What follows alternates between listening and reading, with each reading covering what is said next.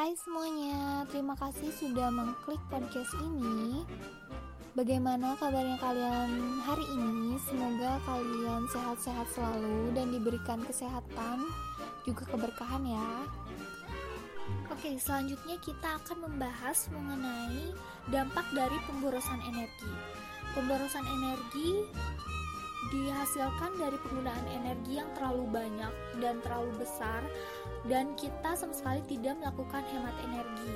Maka energi yang dikeluarkan di bumi itu sangat besar sehingga menyebabkan beberapa uh, apa ya disebutnya beberapa dampak gitu ya. Salah satunya meningkatnya suhu global yang akan menyebabkan perubahan-perubahan seperti perubahan iklim perubahan air laut meningkatnya intensitas fenomena cuaca ekstrim dan juga hilangnya gletser dan masih banyak yang lainnya.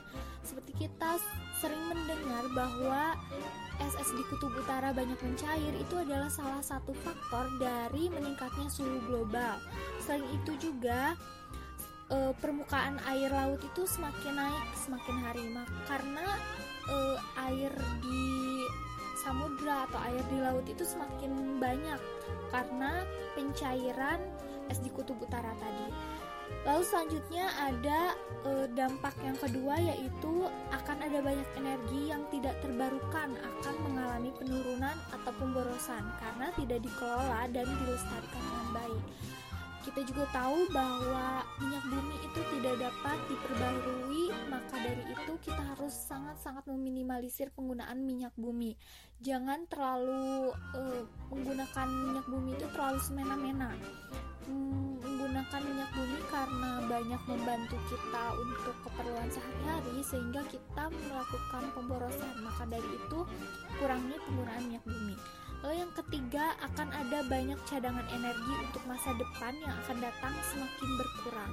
Harusnya energi yang kita buat untuk saat ini itu bisa digunakan di masa yang akan datang. Tetapi nyatanya energi yang kita kumpulkan itu tidak bisa kita gunakan di masa depan karena sudah menipis di uh, kita gunakan di saat ini seperti itu.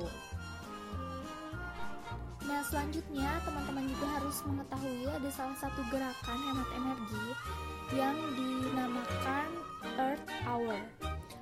Ini merupakan suatu gerakan atau sebuah gerakan yang dikampanyekan oleh World Wide Fund for Nature atau WWF.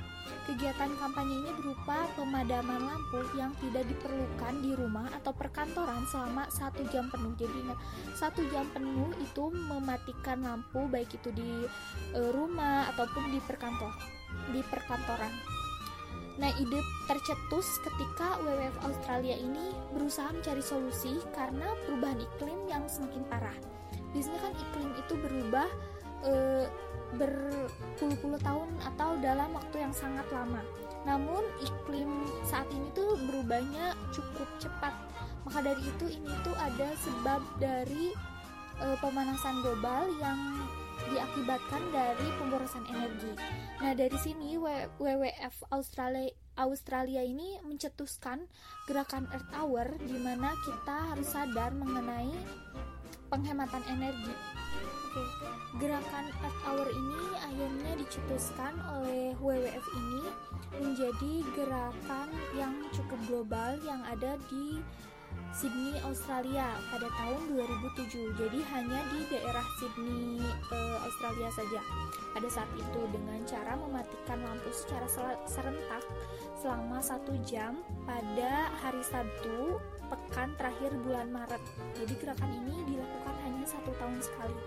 Nah tiga tahun berselang gerakan pemadaman lampu ini digunakan secara global atau mendunia bahkan sebanyak 190 negara itu eh, pada konferensi PBB yang membahas mengenai perubahan iklim di situ sudah sepakat gitu untuk mengkampanyekan Earth Hour di seluruh dunia.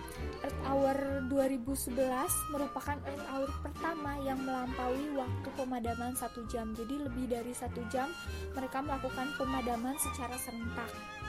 Nah, Indonesia sendiri sudah mengadopsi gerakan Earth Hour ini pada tahun 2009. 2009. Banyak sekali masyarakat yang memiliki respon positif. Ini adalah salah satu gerakan yang luar biasa yang di mana seluruh perkantoran, perumahan melakukan hemat energi dengan cara memadamkan lampu selama satu jam.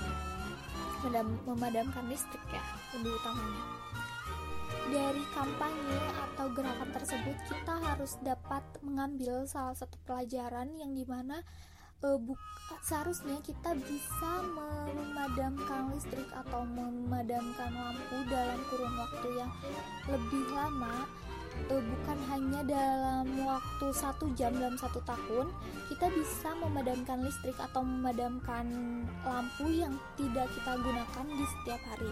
Gerakan Earth Hour ini semoga bisa menjadikan pelajaran untuk teman-teman semua. Dengan gerakan Earth Hour ini semoga teman-teman bisa menjadikan pelajaran untuk ke depannya untuk tetap menghemat energi walaupun dengan waktu yang cukup sebentar tetapi jika hemat energi ini dilakukan terus berulang maka dari itu teman-teman ikut uh, serta dalam gerakan menghemat energi menyimpan energi untuk uh, di masa depan dan juga teman-teman melakukan gerakan yang sangat-sangat positif dari pembahasan-pembahasan sebelumnya kita sudah banyak belajar mengenai hemat kertas, hemat listrik, hemat air dan juga hemat hemat minyak bumi. Maka dari itu kita harus senantiasa lebih bijak lagi dengan penggunaan energi-energi yang sudah ada dan sudah tinggal dimanfaatkan. Maka dari itu teman-teman tinggal menghematnya Hemat energi ini dapat dilakukan di mana pun, kapan pun, dan juga oleh siapa pun dalam waktu yang singkat maupun dalam kurun waktu yang lama. Tetap berhemat, eh, semoga teman-teman bisa mengimplementasikannya di kehidupan sehari-hari. Terima kasih sudah mendengarkan podcast ini. Sekian dari saya, bye.